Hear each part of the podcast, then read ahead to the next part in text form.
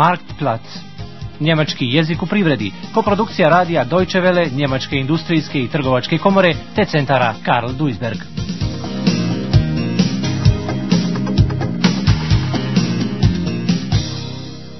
Peta lekcija. Putnički biro. Šef firme Cartex, Edgar Bushman, je zadovoljan. Iz Engleske mu je upravo potvrđen nalog za veliki posao. Ukoliko se on bude pridržavao termina za isporuku, Lieferzeiten eingehalten, a mušterija bude zadovoljna kvalitetom, kvalitet, onda je i naredni nalog za posao, Folgeauftrag, siguran. I se večeri u omiljenoj gostionici sa pivnicom i kuglanom, Edgar Bushman razmišlja o nalogu za posao. Ovaj put on je veoma loš u kuglanju. Poput slijepca, wie ein Blinder, zadirkivao ga je njegov prijatelj. Stimmt, Karl. Ich bin nicht in Topform. Bin mit den Gedanken ganz woanders. Was ist denn los? Gibt's Probleme mit dem neuen Auftrag? Nee, nee, nee, nee, ganz im Gegenteil. Die Engländer haben heute Nachmittag angerufen, dass wir den Auftrag bekommen. Und wenn wir die Lieferzeit und die Qualität einhalten, hängt sofort ein Folgeauftrag dran. Firma Catex proizvodi sigurnosne pojaseve za automobile.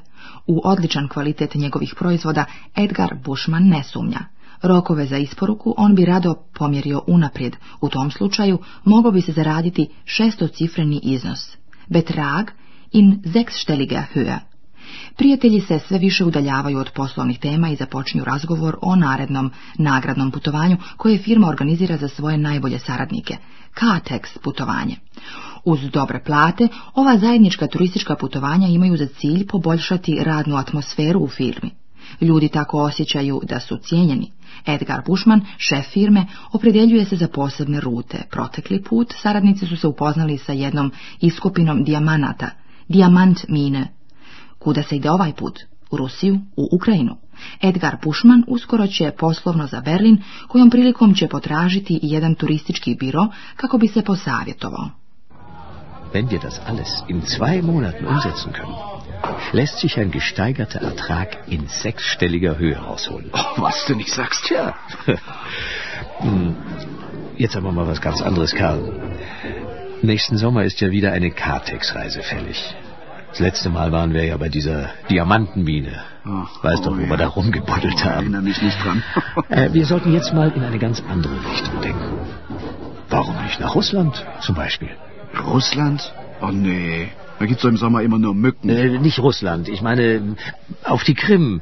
Das ist, glaube Äh, ich... das äh, ist jetzt die Ukraine. Ja, Naja, klingt spannend, Ukraine. Aber hast du eine Ahnung, wie es da ist? Was man da so machen kann? nein, noch nicht. Aber ich weiß von einem Reisebüro in Berlin, die sich top auskennen.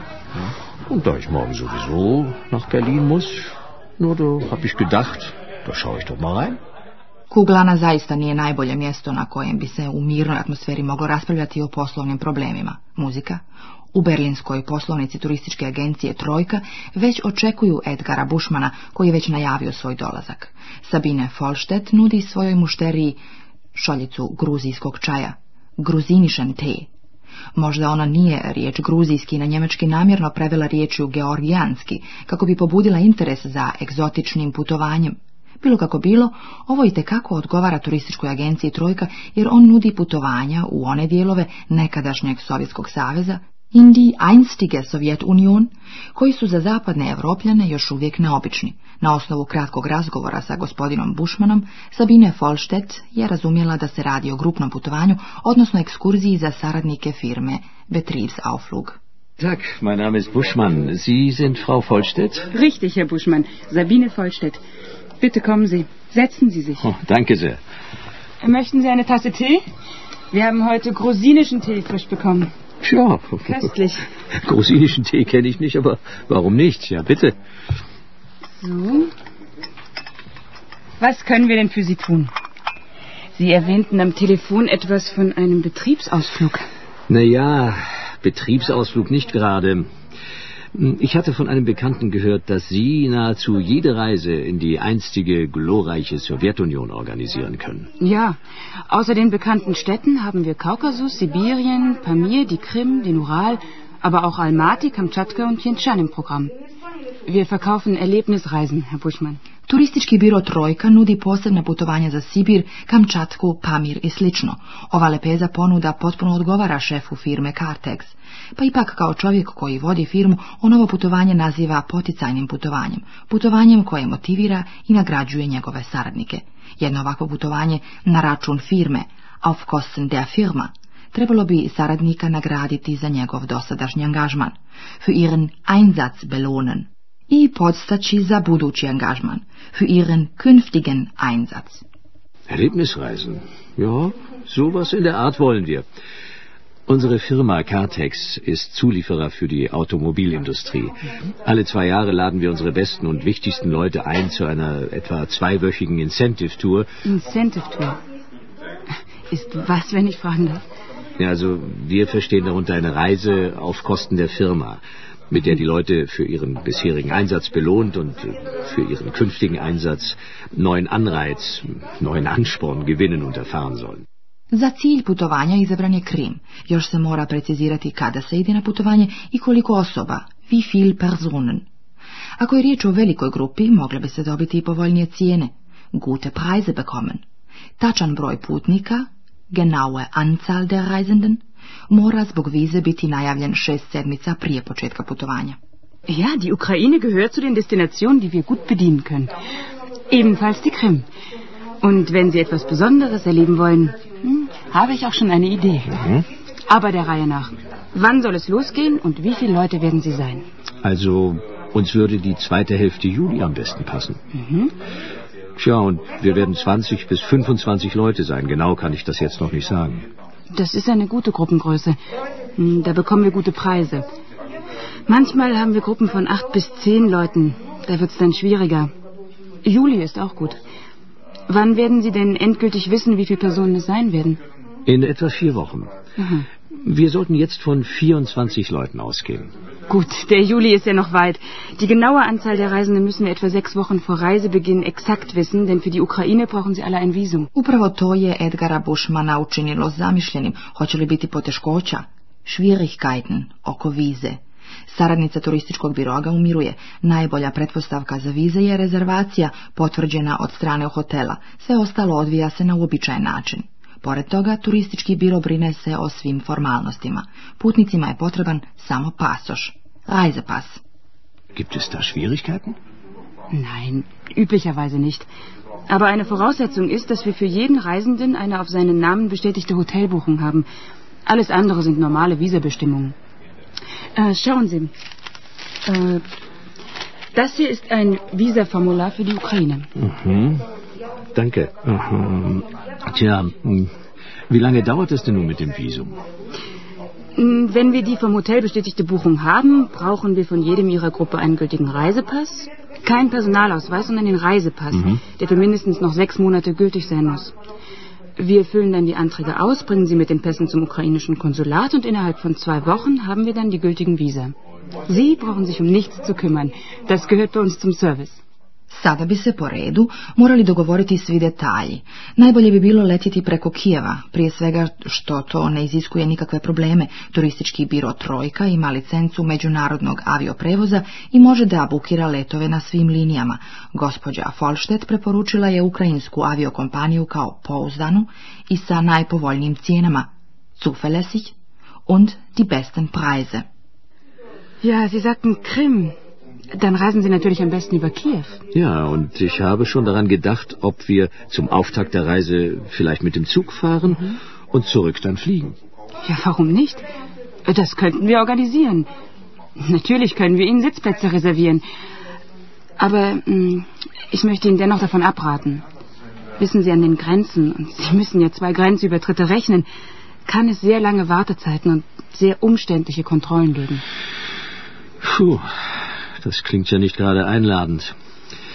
Äh, Wie sind denn die Flugverbindungen? Wissen Sie, wir sind ein Reisebüro mit einer IATA-Lizenz. Wir können alle Fluglinien buchen. Wir haben für Kiew gute Erfahrungen mit der nationalen Fluggesellschaft der Ukraine, der Ukrainian International. Die sind sehr zuverlässig. Ja, und der Flughafen von Kiew Borispol hat einen guten technischen Standard und einen effektiven Bodenservice. Und mit der Ukrainien kriegen wir die besten Preise. Edgar Bushman zainteresiran je za svaki detalj, ne bi želio da previše plati, a upravo je riječ o cijenama. O pojedinačnoj cijeni, Einzelpreis, podrazumijeva se u obra pravca hin und zurück i po jeftinom tarifu za grupna putovanja. Gruppentarif. Wie teuer sind die Flüge? Ein Moment.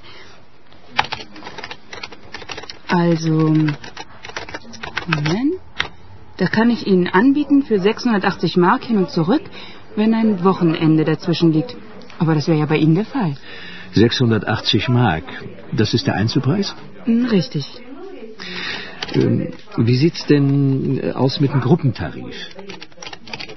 Einen Moment. So. Den haben wir gleich. So. Ja, den kann ich Ihnen für 610 Mark anbieten. Ja gut. Ist das der Preis für jetzt oder schon für Juli? Diesen Preis kann ich Ihnen jetzt schon verbindlich zusagen. Das kann ich sofort reservieren für 24 Plätze.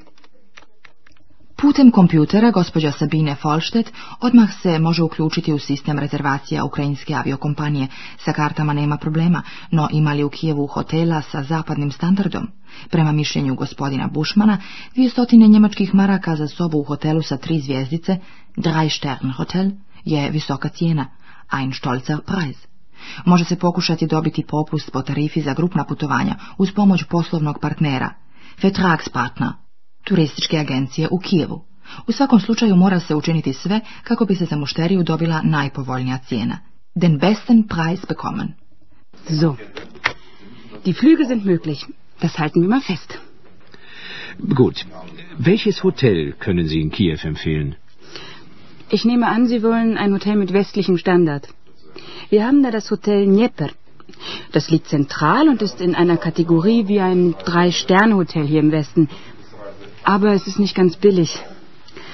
Ja, pro Person müssen Sie mit etwa 200 Mark für Übernachtung mit Frühstück rechnen. Oh, das ist aber ein stolzer Preis. Mhm. Bekommen Sie beim Dnieper keinen Gruppentarif? Doch, gewiss. Aber den kann ich Ihnen jetzt nicht sagen. Da müssen wir in Kiew anfragen, müssen möglichst schon die Anzahl der Übernachtungen nennen. Hm. Wir haben in Kiew einen Vertragspartner, ein Reisebüro mit einer staatlichen Lizenz und einer Registriernummer. Da werden wir zweigleisig fahren. Wir fragen beim Dnieper und unser Partnerreisebüro fragt auch. Dann sehen wir, wie wir den besten Preis bekommen. Kijevski partner je zaista bio od pomoći, grupi je stavio na raspolaganje prevodioca i autobus. Otprilike nakon sedam dana Edgar Bushman je dobio od turističke agencije pismenu ponudu sa svim informacijama. Angebot mit allen Daten. I sa cijenama za sve pojedinačne usluge. Für alle Einzelleistungen. Ukoliko mušterija prihvati ponudu, na snagu stupa ugovor po kojem firma turistička agencija Trojka nudi svoje usluge, a mušterija firma Katex plaća te iste usluge. Dok se potpis ne stavi na papir, razgovor koji je gospodin Bušman obavio sa gospođom Folštet ni jednu stranu ne obavezuje na bilo šta, sa izuzetkom jedne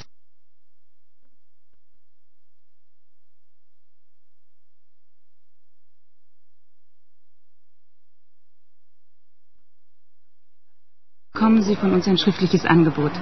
Das ist komplett mit allen Daten, allen Hotels, allen Transportmöglichkeiten und allen Besichtigungen. Für alle Einzelleistungen haben Sie dann die jeweiligen Preise. Wir können das Ganze dann am Telefon besprechen. Sie sagen mir, wofür Sie sich entschieden haben. Wir erledigen dann alle Buchungen und Sie bekommen dann den Vertrag. Na fein. Aber ich komme auch gerne nochmal zu Ihnen. Ich bin ja doch jede Woche einmal in Berlin.